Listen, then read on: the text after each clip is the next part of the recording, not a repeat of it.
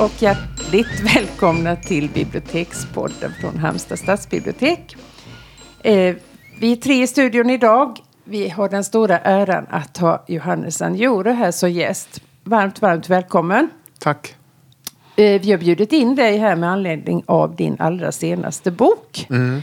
Som du ska förhoppningsvis möta en stor publik och prata om. Ja. Men först vill vi höra, vad, vad är det här för en bok? Den har en otroligt vacker titel. Det kommer att drunkna i sina mödrars tårar. Ja. Eh, titeln kommer ifrån en eh, somalisk imam i Göteborg som arbetar emot ja, det som man brukar kalla för radikalisering. Alltså, som, som bland annat då, alltså egentligen är han bara en traditionell imam men i likhet med en del andra då, traditionella muslimer så han så att säga hamna, hamnade han i den här sitsen att han var tvungen att argumentera emot IS propaganda.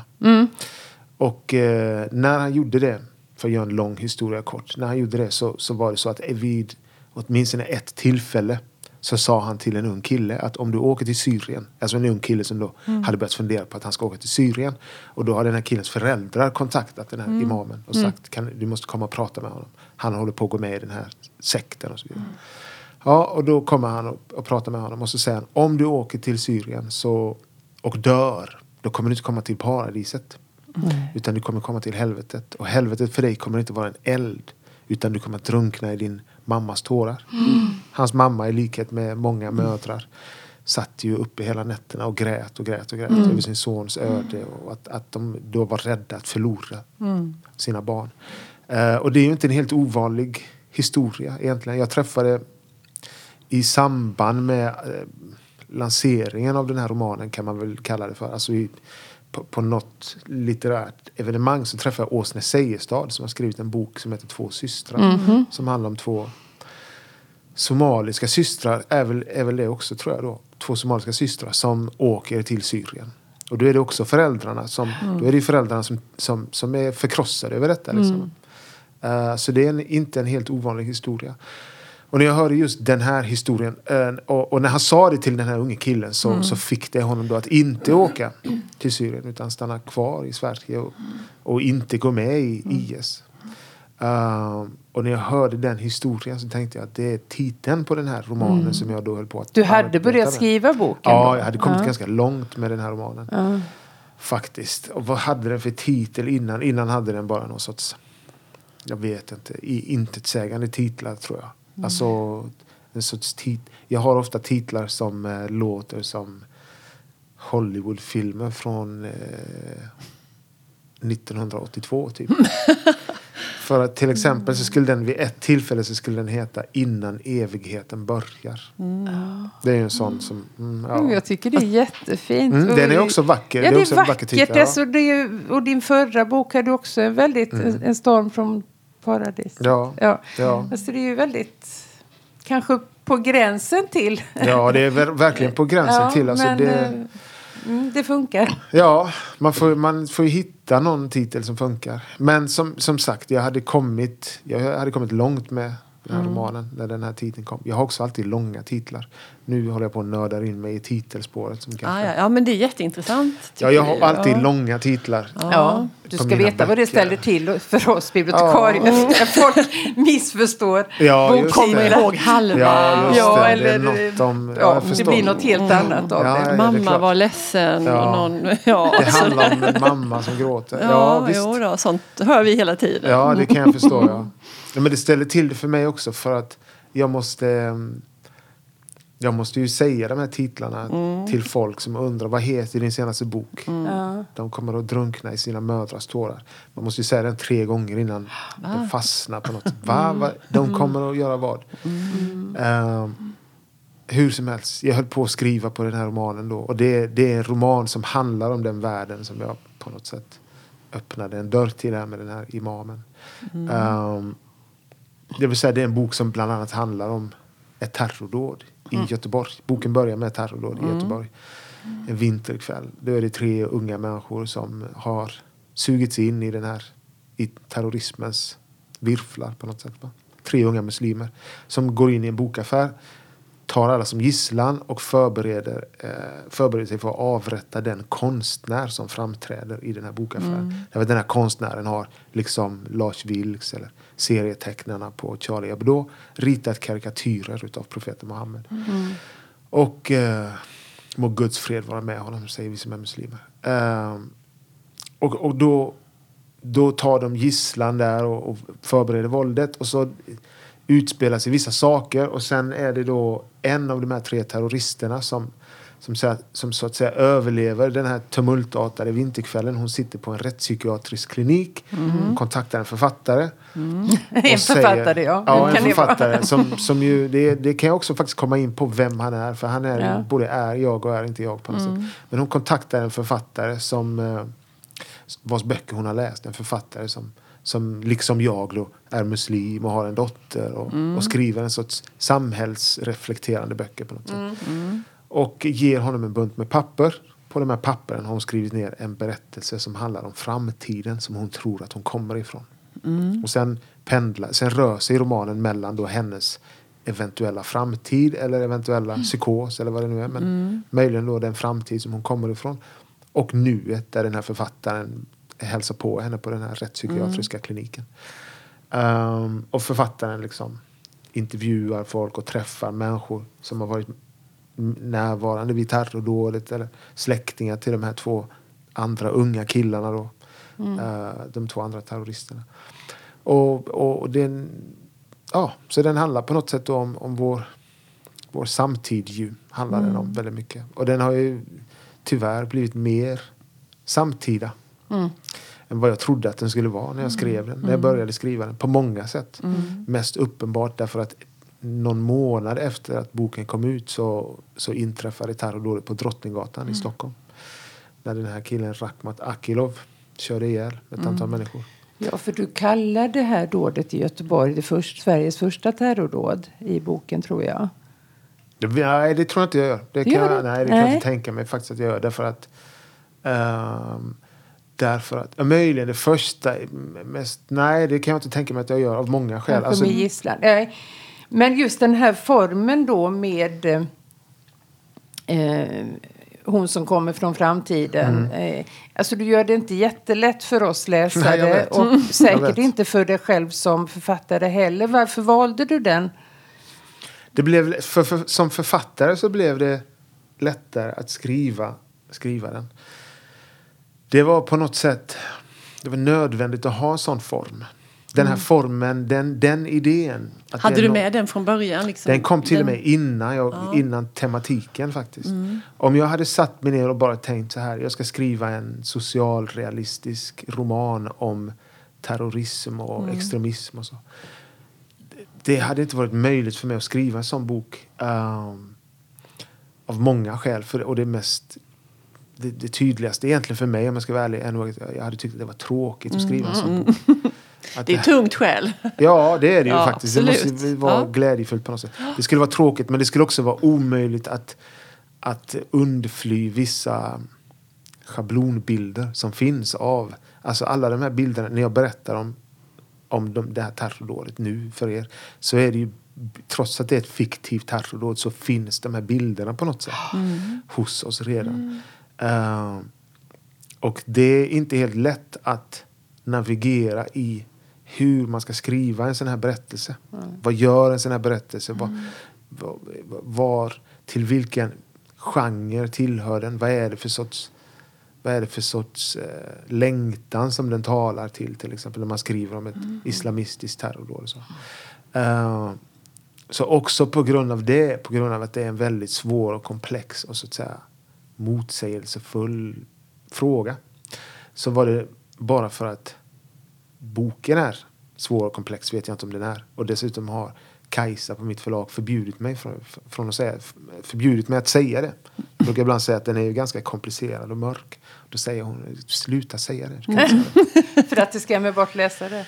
Ja, precis. För att, Ja, men det är ju eh, ett bort oerhört su sug i den. Ja, det, tack. Eh, Men det är just det där att, att för sig själv påminna sig om att det där är framtiden. Även om det inte är jätteavlägsen Mm. Ja, framtid ja. så är det ändå vissa saker Ja. som man inte känner igen. Och Att man, man får hålla isär det där när författaren... Ja, det får man göra. Och det kan väl inte helt lätt kanske att göra. Min, jag undrar om inte min förläggare tyckte, kan man inte skriva en rubrik som är att nu är det författaren som talar. Nu är det Läsanvisningar. i framtiden. Ja, av, av någon anledning så, så vill jag inte ha det. För det, det, är, det är för att jag kommer från poesin tror jag. Man har en sorts idé. om- Alltså en väldigt tydlig idé om, om någonting. Att det skulle förstöra något i formen om det kom Ja, så. nej, men det är ju jätteviktiga saker. Den Ja. där poesin märks ju i, i texten. Vi har som sagt läst den. Vi har varit i Krakow och läst boken. Ja, vi läste högt för varandra. ja, precis. Hör här. Ja, det här är Det jättefint. För att det Kolla var så här. vackert. Ja. Och, eh, ja. Eh, Ja, men verkligen flera ställen som är så påfallande poetiska och välfunna. s- Så de kan stå för sig själva lite grann. Eh, Ja, Vi fastnar också för en annan sak. Mm.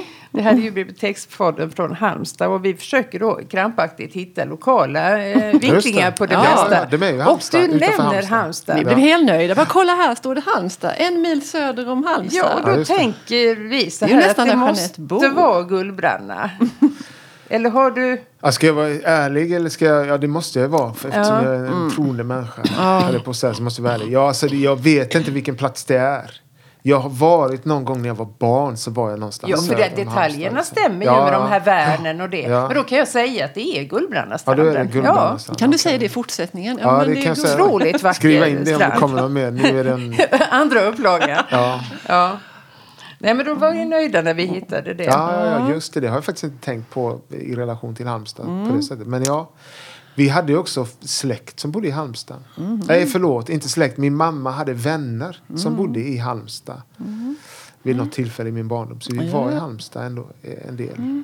Till och från. Och så var vi då på stranden och såg de här Ja. betongkuberna, eller vad man ska kalla det. Någon sorts sån krigs, Mm. krigsminnen från ett krig som jag aldrig riktigt blev av. Kommer Nej, men det måste ju varit oerhört spännande för Ja, det är klart. lille Johannes. Ja, det är klart. Det är klart. Ja, nej, men spännande. Eh, ja, men, alltså måste vi också såklart prata om Augustpriset som du då fick förra 2017. Ja. Framåt hösten där. Ja. Ja, vill du berätta om det? Är det, är det jättestort? Är det, det, vad händer när man får Augustpriset? Ja, alltså det, det är ju väldigt stort.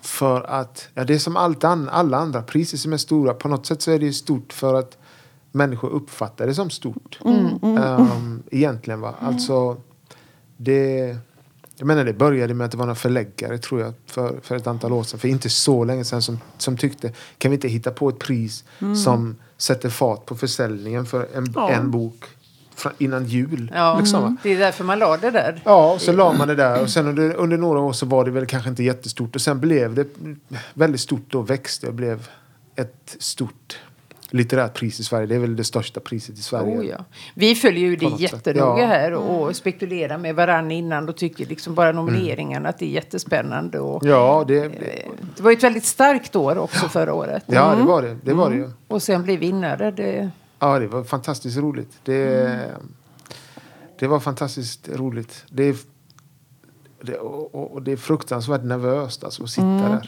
Det är outhärdligt nervöst. Och dessutom så är det så att det på något sätt så avslöjas det inför en själv. Vad man egentligen tror. Jag har varit nominerad två gånger innan. En gång med en diktsamling och den vinner ja. jag aldrig. En diktsamling är med som en sorts liten... Det är ett alibi. Alibi. Som Ja. en slips till kostymen på något sätt. Liksom, för att det ska se snyggt Vilken ut. ska vi ta? Ja, de låtsas att eh, poesi kan ju också vinna. Ja. Och sen en gång då med boken om min far. Och när boken om min farsa kom, då, då sa jag till, eller då, då tänkte jag så här inför mig själv att nej men jag kommer nog inte vinna. Jag tror inte jag kommer vinna. Men sen när de läste upp namnet, Vinnaren är, ett kort uppehåll på vägen till Auschwitz, heter boken som var, av Göran Rosenberg. Då när de läste upp ett kort uppehåll, då tänkte jag att men de bör, då tänkte jag resa mig upp. Automatiskt på något för jag hade nog tänkt, undermedvetet hade jag tänkt Det hade varit jag tror att jag pinsamt. kommer vinna. Jag tror att jag kommer, alltså jag hade den känslan någonstans i mig själv. Ah. Med den här boken så var det så var det nästan tvärtom. Alltså med den här boken så var det många som sa att jag var favorit. Alla sa Alla nästan att sa du skulle det. Liksom. vinna. Ja, han, är- Johannes han gjorde favorit så vidare. Och, eh, Men när de läste upp titeln så var jag helt och hållet beredd på att Alltså det var nästan så jag lyfte händerna och klappade. Ni vet, Ja. man ska göra Ja, sån där man ska vara- applåd. man ska se skitglad ut och Vad generösa leenden. Man måste ju naturligtvis Ja. se ut som att det är ju ännu roligare att den här andra personen Mm. får det än att jag får det. Eh, Hade du någon favorit då? Ja, alltså jag hade läst, vilka böcker hade jag läst? Jag hade läst eh, Jenny Tunedals diktsamling. Mm. Slipsen. Rosor och skador, som är väldigt vacker. Eh, som, handlar, ja, som handlar om demens på något sätt. Och den kunde man väl gissa att den inte skulle vinna. Alltså, det, det kunde man väl gissa. Jag tyckte om den väldigt mycket. Sen tyckte jag också om väldigt mycket, jag tyckte väldigt mycket om Isabelle Ståhls debutroman. Just nu är jag här. Som känns, som, som kändes väldigt eh, både litterär och samtida och modern på, något, på ett väldigt intressant sätt. Eh, och det är väl kanske ett tecken på att jag själv har blivit att jag snart är 40 år, att jag läser en bok och tänker jaha det är så det är att vara ung. idag. och vad skönt att vara Gissa ung. hur det var för oss när vi läste den då. Nej, men vi, vi har pratat mycket om den boken och Ja, tyckte men- väldigt, väldigt mycket om den. Och den känns som att den, den var en näst, alltså inte en ny genre men att den, den, den, den beskrev en helt ny verklighet på ett väldigt intressant sätt tyckte jag. Alltså, ja, ni känner till vad den handlar om. Ja. Folk Oh, ja. som, att dejta på Tinder och flyta runt i någon sorts medialiserad värld. Liksom. va. Och den här oron hela tiden. Ja, och blicken ja. utifrån på en själv och Precis. aldrig riktigt Ja. nöjd. Och få All- det man vill ha och sen ändå vilja ha nästa grej. Just det. Ja, alltså någon sorts sån senkapitalistisk tillvaro kan man väl kanske säga ett politiskt ord. Så jag tyckte om den också väldigt mycket. Men en de- debutanter brukar heller inte vinna. Så, att, så, så det, var väl, det var inte så konstigt att hon inte vann heller på något sätt. För jag tror att, jag vet, man vet ju inte hur de sitter och tänker. Men jag tror Nej, att de nej. också faktiskt sitter och, och tänk, pratar lite så. Alltså juryn eller tänker så. Ja men hon är debutant till exempel. Ja. Hon, kom, Hon om tiden skriver en till, ja. Mm. Hon skriver en till bok, som också, en till roman som är bra. Så kan hon, kan kan hon hon få det. Liksom. Så tror jag kanske lite. Sen har jag inte läst de andra. Faktiskt. Claes Östergren hade, jag jag trodde att Claes Östergren eller Sigrid Kombysen skulle få, Mm. få det. Eh, men de har jag faktiskt inte hunnit läsa än. Nej. Man får ju de där böckerna på något sätt i någon vända där. När man blir Mm, nominerad okej, får man de andras böcker.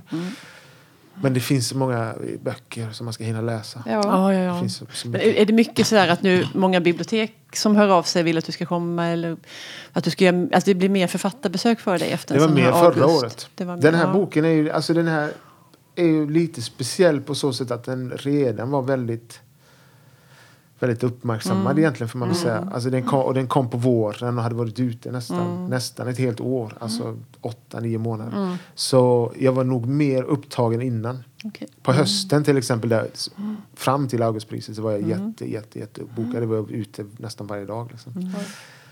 Ja, det var en väldigt grov överdrift. Jag var Ja, ute ja. var tredje dag, kanske var fjärde dag. Ja, men mycket ändå. Ofta. Ja, men det kändes som varje dag. Men sen efter Augustpriset så blir det jul och sen så nej, så är det inte lika mycket. Det är inte Nej. lika mycket faktiskt i vår. Men det här med att möta läsarna då som du... För du är an- antagligen mycket på bibliotek, Ja. skolklasser eller vad, Mm. vilka sammanhang är det? Bibliotek allra mest skulle jag säga. Ja, det är allra mest bibliotek. Vad, vad tycker du om det, om det här mötet?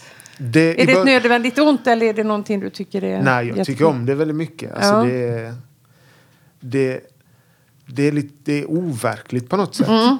Det är lite overkligt på något sätt. Och att, att vara författare är ju egentligen att, att vända sig till en sorts ensamhet och sitta Mm. ensam i- på något sätt och skriva. Och, och, och egentligen så kanske man skriver nu verkar det som, nu låter det som att jag har någon sorts falsk blygsamhet eftersom jag sitter och pladdrar så mycket. Men egentligen så skriver jag för att f- för att det finns vissa saker som inte går att säga. Bara i ett samtal. Och då vänder man sig till litteraturen och så skriver man någonting. Liksom. Ehm, eller så skriver jag någonting. Och sen då att möta läs, de som har läst detta. Det är en väldigt speciell, eller de som kanske ska läsa det. Det är en väldigt speciell och overklig relation på något sätt. Alltså när jag säger overklig så är det för mig är det fortfarande både skrämmande och mirakulöst vackert att någon annan människa kan läsa det som jag har skrivit och tillägna sig det och att det kan bli lika levande i den människan som det har blivit för mig. Så att säga. Ehm, så på, och på så sätt så är det fantastiskt att få träffa en massa läsare, massa potentiella läsare, massa människor som är intresserade på något sätt av mitt författarskap. Uh, och sen har jag hållit på så länge. Så, och, och dessutom började som poet som ju, där man inte har så många läsare. Så att jag vet, jag vet också hur det känns att ha en, bok, en roman som, som inte får några läsare egentligen. Som får väldigt få läsare som man har lagt ner jättemycket tid på. Det, det är ingen som hör av sig och säger kan inte du komma och berätta om din bok? Så, um, så att uh, nej, så jag tycker det är väldigt fint alltså, att träffa läsarna. Och speciellt med en sån här bok. Speciellt med den här boken som, som tar upp väldigt svåra frågor. Um, men som också då, jag upplever att den här romanen på något sätt för mig har öppnat upp ett rum. Att den öppnar upp ett rum där man kan där människor kan ställa vissa nödvändiga frågor. Till exempel om islam. Jag är ju troende, praktiserande muslim själv. Liksom. Um, så att under hela det år som, sen, som har gått sen boken kom ut så har jag haft väldigt många samtal som har känts viktiga liksom. För samtiden och för Sverige och för, för, för oss som försöker finna ett sätt att leva tillsammans. För att det finns väldigt mycket, det finns mycket, kanske inte okunskap, men det finns någon sorts okunskap eller rädsla eller det finns mycket oro som flyter runt i samhället kan man väl säga. Tänkte du att det skulle kunna bli så när du skrev den eller är det något som du upptäckt nu efteråt? Nej, det tänkte Nej, jag inte. nej. Det tänkte jag inte. Alltså jag tänkte inte att det här skulle bli en eh, en sån, sån bok som du har...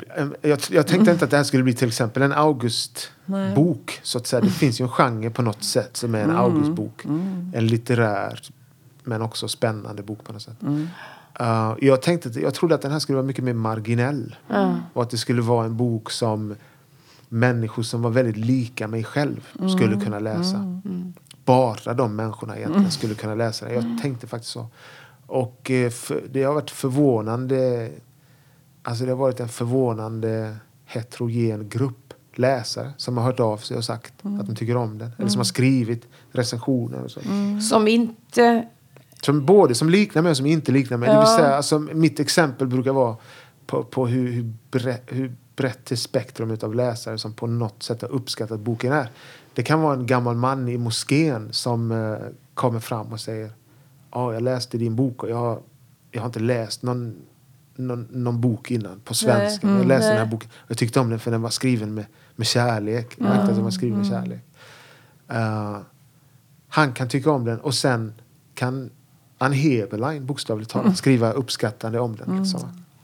Eh, så, och det är alltså inget ont egentligen om Ann Heberlein. Jag vet inte. Det har väl folk alla möjliga åsikter med henne. Men, men alltså det är ett väldigt brett spektrum. Ja. En äldre herre i moskén på Hisingen och Ann Heberlein.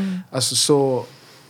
För jag tänker ju att vi läser ju dina böcker på grund av ditt varumärke. Att vi vet att du är en kompetent litterär, bra författare. Inte utifrån ämnet som den handlar om. Men Nej. så är det i alla Nej, fall för ja, men det håller jag med om. Medan de här då, den andra gruppen läser på grund av att det handlar om den här så, världen. Ja, så är det Eh, nog. Ja, ja. ja. Men, men som, jag, som jag nämnde på något sätt så har den blivit mer aktuell än vad jag Mm. trodde att det skulle vara. Det verkar. Jag menar nu när den kommer ut 2017 så naturligtvis verkar det så är det så är det mitt i samtiden på Mm. alla sätt. Liksom. Men jag började skriva den här efter terrorattentatet mot Charlie Hebdo i Paris. Men innan till exempel att innan Donald Trump vann presidentvalet i USA. ehm, innan, innan egentligen högerpopulismen verk, fram, började framstå som en reell, alltså en verkligen reell maktfaktor i Europa på något sätt. Ehm, innan terrordådet på Drottninggatan. Innan terrorattacken mot Bataclan. Innan skotten i Paris. Eller förlåt, skotten i Köpenhamn. Ehm, när, så jag, skri, jag började skriva den här i en tid som naturligtvis hemsöktes av islamistisk terror. Eh, men inte på det sätt som, som vi har sett de senaste åren. Och den här frågan om så att säga att vara muslimer i Europa och vad det innebär och vilket vårt öde kommer att bli här. Och de politiska krafter som, som kämpar om vår tillvaro på något sätt. Den frågan var inte alls lika stor när jag började skriva den här boken. Och den har ju verkligen på gott och ont, men mest på ont skulle jag kanske säga, seglat upp jättehögt på den politiska dagordningen i, i hela Europa och även i Sverige nu när vi har ett valår. Liksom, Så verkar det bli som ett, ett Men det blir bo- boken översatt till andra språk? Ja, den har blivit översatt till en del språk. Den kom på norska nyligen så jag var i Oslo Okej. faktiskt och satt och Ja. pratade om den för, förra veckan tror jag. Så den kommer till på en del andra språk. Den kommer på norska, finska och danska och franska och tyska. Och något annat språk. Spännande. Men jag tänkte på en annan sak när du pratade här nu. För det här det är ju din bok. Du har skrivit den liksom, och hållit på med den och sådär. Och sen när, för så tänker jag att det är när man är författare. Och sen så är den färdig och så släpps den ut. Och sen blir den ju också alla läsares egna böcker på något sätt. Och att, Ja. är, det någon, är det något komplikation med det eller är det bara något gött med det? Eller hur förhåller du dig till det? För jag tänker, ja. Ehm, det, det tillhör den där overkligheten alltså, Ja. som jag talar om. Overkligheten med att vara författare. Att, att människor, att andra människor överhuvudtaget läser den här boken. ja det- men de kan också ha konstiga åsikter. Eller få liksom, Ja, okej, eller du menar kan- så, Ja. Att de läste den fel? ja, Ja, rent. Det kan ja. ju faktiskt hända. Ehm, det är Och det kan du någonting- inte göra något åt. Nej, det kan jag inte göra någonting åt. Och det, det beror på hur man förhåller sig till sitt skrivande. Mm. Jag, och, och, och det var ett större problem för mig när jag var yngre. Mm. När jag var ung så, när jag var, när jag var ung så skrev jag en diktsamling som heter Det är bara gudarna som är nya. Som var min debut. Då var jag 23-24 år när den kom Mm. ut. Eh, 2003. Och eh, den blev då läst som en sorts vittnesmål ifrån miljonprogrammen och blev kallad för förortspoet och Ja, invandrarpoet det. och blev en sorts representant för någonting. Eh, tillsammans med vissa andra i min generation. Kemiri till exempel och Alejandro Leiva Wenger och Daniel Boyasoglu och Marianne Bakhtiari från Ja, Malmö eller Lund. Ehm, och då på något sätt, vi alla vi kämpade väl emot det på olika sätt och sprattlade emot liksom när vi skulle släpas in i den här benämningen invandrarförfattare eller förortsförfattare. Eh, på, på en mängd olika sätt. Mitt sätt att hantera det egentligen, det var att då tänkte jag så här, jag skriver någonting, min nästa diktsamling ska vara helt opolitisk. Alltså den ska inte, jag, jag, jag medvetet plockade bort alla adresser på Hisingen där jag bodde. Så, va?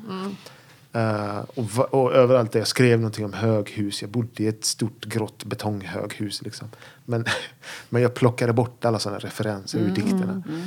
Eh, för jag tänkte att det, det var liksom mitt sätt att undfly en sån bestämning. Och så skrev, kom det då en diktsamling som hette Omega. Det är den enda diktsamlingen som har ett, Kort namn. Ja, ett, Ja. ett kort namn.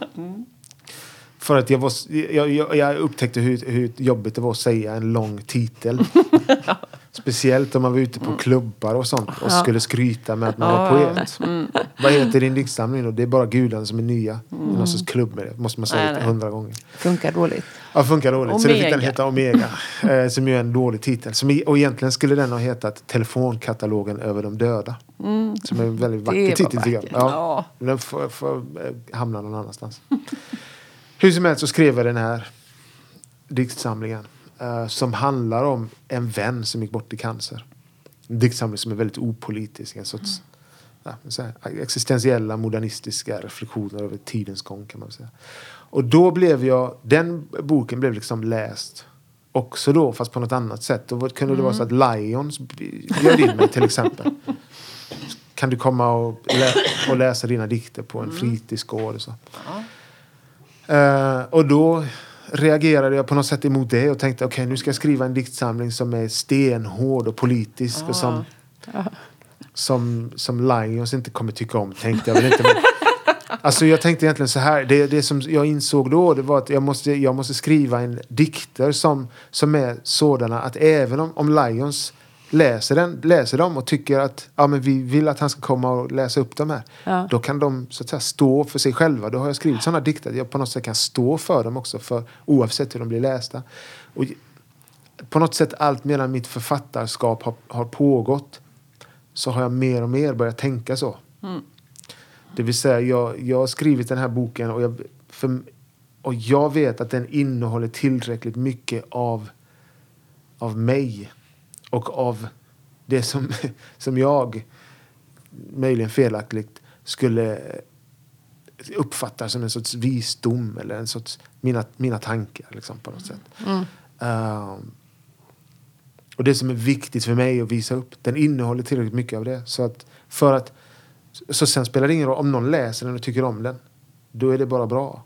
Det betyder inte att du, du har läst den fel. Eller att du, om du har, det är inte, det, jag är heller inte intresserad längre Nej, tror jag av att skriva böcker som, som ska sortera människor utefter deras åsikter. Mm. Det finns ju mycket sån litteratur. Den kan vara bra liksom. Jag kan ty- tycka om så politisk litteratur i den bemärkelsen. Men den här frågan tror jag, alltså frågan om att vara muslim i Europa, som den här boken ändå på något sätt handlar om.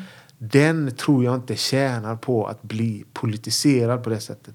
Tvärtom Nej, så tror jag att det är en fråga som, som jag skulle vilja se, se avpolitiserad.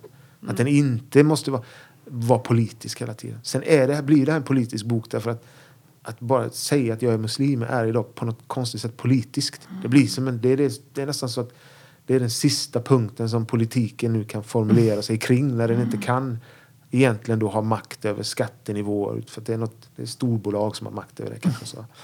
Ja, men då kan vi tänka kring vad ska muslimer ha för kläder på sig. Så blir det en sorts hysterisk upptagenhet vid det. Ehm, men den frågan, överhuvudtaget den frågan om islam i Europa att vara muslim. Jag är inte intresserad av att bedriva politik kring den på det sätt som jag har varit till exempel om, när det handlar om rasism, traditionell rasism mot, som, som jag också har mött eftersom jag är en svart människa. Eh, där kan jag vara ganska hård politiskt. Och där skulle jag kanske tycka att om uh, Sverigedemokraterna skulle läsa något som jag har skrivit om svarthet, om hur det är att vara en svart människa i Sverige och säga att det här är bra, det här, om de skulle tycka, då skulle det vara jobbigt för mig. Då skulle jag uppleva att, det var, att det var problematiskt. Men, men, men att vara muslim är inte samma sak som att vara svart. Trots att vi ofta gör det misstaget, både muslimer och människor som inte är muslimer, gör misstag på något sätt att islam en sorts etnicitet. Men det är det inte. Det är, det är en annan sorts identitet som inte behöver politiseras utan som tvärtom behöver avpolitiseras. Tycker jag då. Eh, så därför så är det här inte en bok. Alltså jag har vinnlagt mig om att skriva en bok som inte som inte är vad ska man säga som, som inte uppehåller sig vid traditionella politiska frågor. Nej. Höger-vänster-frågor egentligen. Liksom.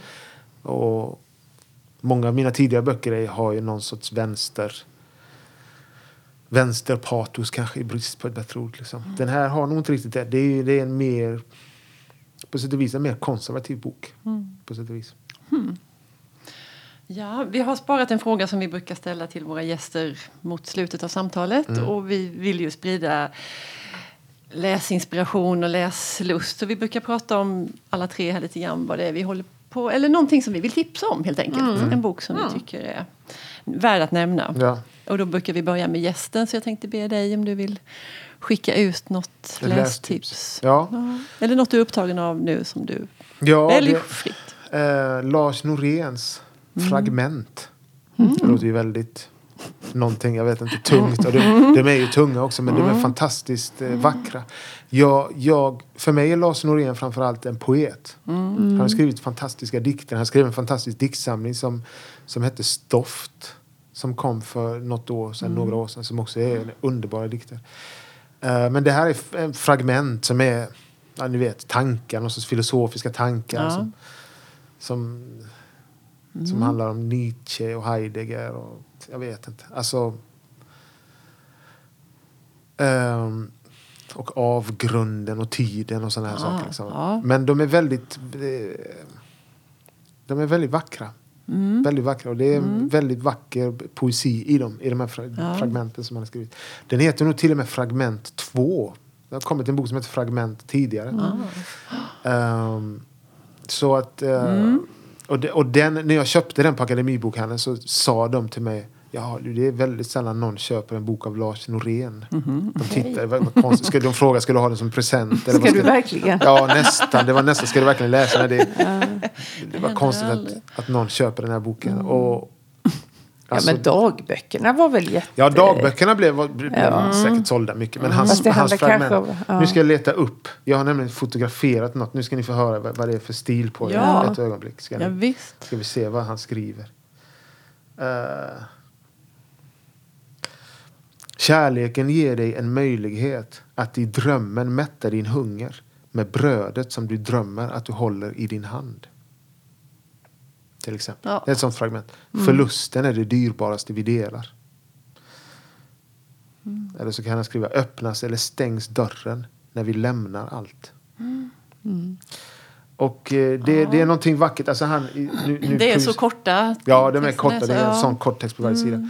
Och, och det är något, för mig är det också något som är vackert med att han, han är ju en gammal människa. Liksom. Mm. Jag vet inte hur gammal han är, men han är väl ganska gammal. Och, det, och be, boken handlar om, om döden egentligen. Ja. Egentligen handlar den väl om döden. Och Mm. han är ju i stort sett, så, så som jag fattar det, så är han någon sorts, åtminstone agnostiker, om inte ateist. Mm. Liksom. Eh, men, det är trots allt, men det är trots allt en sorts ateism som är eftertänksam och reflekterande och, och tar frågan om existensen på allvar. Och, och det för mig gör boken, gör boken viktig i samtiden. För att jag menar, alltså, Gud vet att vi religiösa människor så att säga, på vårt lag har vi en hel del galningar. Liksom. men, men ateismen har ju också sina, sina missionärer som är väldigt ofta tråkiga och har en sorts fantasi om att om man bara tar bort alla religioner så kommer det komma ett sorts förnuft som bara styr upp världen så att vi kan leva i fred. Liksom. Eh, och som helt ryggar undan från alla de existentiella frågorna som vi människor ställs inför och som religionen är ett svar på. Och, och jag tycker om att Norén, Norén, Norén är liksom verkligen en, en sorts ateist som är värd all respekt också ifrån ett religiöst håll. Eh, och, och det är en sorts djupt tänkande som vi saknar helt och hållet i vår offentlighet idag. Eller hur? Helt och hållet. Alltså det är helt, finns inte alls pl- plats för det. Um, och sen, jag menar, sen skriver han en del fruktansvärda saker om islam och kristendom och så också. Som, som jag tycker inte är fruktansvärda, men han kan skriva eh, alltså fördömande saker mot, mot religion. Men, men på ett intelligent och reflekterande sätt som man kan respektera. Som jag som muslim kan läsa och, och respektera. Därför att han, har, han gör sig inga illusioner om, om så att säga, vem han själv är. Eller vad, vad en Han gud... sitter inte inne på sanningen. Nej, inte Nej. på det sättet. Eller han har ingen illusion om hur en gudlös värld skulle se ut. Liksom. Ja, nu blev det ett långt Ja, boktips. men det men, är intressant. Jättespännande. Ja. Du då, Jeanette? Eh, jo, men jag är ju en sån person som läser mycket parallellt. Och eh, just nu, eh, efter att ha avslutat Johannes bok här i Krakow i helgen, så eh, läser jag dels Sylvia Plaths Glaskupan. En bok som jag kanske trodde att jag hade läst. För Det att det är händer en ju sån att som alla tror. har läst. Eh, men så kom jag på att jag nog inte gjort det. Och sen hade jag inga höga förväntningar. Men alltså jag älskar den. Den är fantastisk. Verkligen. Eh, känns väldigt modern fast den är ju, har ju ganska många år på nacken. Och känns också starkt självbiografisk. Fast inte huvudpersonen utan en i hennes vänskapskrets. Där tror jag hon har skrivit in sig själv. Den ska man läsa. Och sen läser jag Anne Svärds Vera. Eh, började med anledning av att hon kommer ganska snart hit till stadsbiblioteket. Eh, men blev också jättetagen av berättelsen där om eh, den här eh, Sandrine som kommer som eh, flykting från, det utspelar sig på 40-talet i Sverige. Och eh, gradvis så lu- luskas hennes historia upp. Sandrine som gifte sig med en betydligt äldre man och hans eh, premisser för detta eller bevekelsegrunder och henne som man liksom inte vet någonting om. Men som man får serverat i ganska små portioner. Mm. Vera av Anne Svärd. Och Elisabeth läser. Och Elisabeth har nu återvänt till en bok som går som radioföljetong nu av en dansk författare som heter Dorte Nors. Och boken heter Blicken, pilen, filen. Och vi kan ha pratat om den i podden Vi har tidigare. gjort det. Vi hade ett helt avsnitt om dansk Danmark- litteratur. Dan, Danmark special hade vi. Ja. Eh, Men nu har jag, varje gång jag har kört så har den liksom hållit på där i bilen. Och den är, det är en, dels är det en humoristisk bok men det är så lätt att missta sig på sånt som är skojigt att det är bara skratt och trams. För det finns så hemskt mycket mer eh, djupt existentiella, mänskliga om hur vi har det och hur vi relaterar till varandra. Och bluffar som kommer i vår väg och hur vi hanterar dem. Och, eh, hur vi överlever. Och den här blicken, pilen, filen, det är en sån där gammal körskoleregel som man... Jag har helt gått med förbi. Jag Jo, det var på min tid. du inte lära dig Nej. det? Jo, men först ska man titta när man byter fil, Ja, jag Jeanette. fattar Ja, du ju. fattar. Det är Men ramsan fanns inte. Nej, du lärde dig ändå. Ja. Nej, men den, och hon har skrivit också lyrik, eh, Mm. den här dottern också. Man kan återvända ibland till sådana godbitar. Ja, men då tackar vi Johannes Anjoro hemskt mycket för att du ville ta dig tid och vara med i podden. Tack för att jag fick komma. Då så. Och så säger vi tack för idag. Hej då. Hej då. Hej då.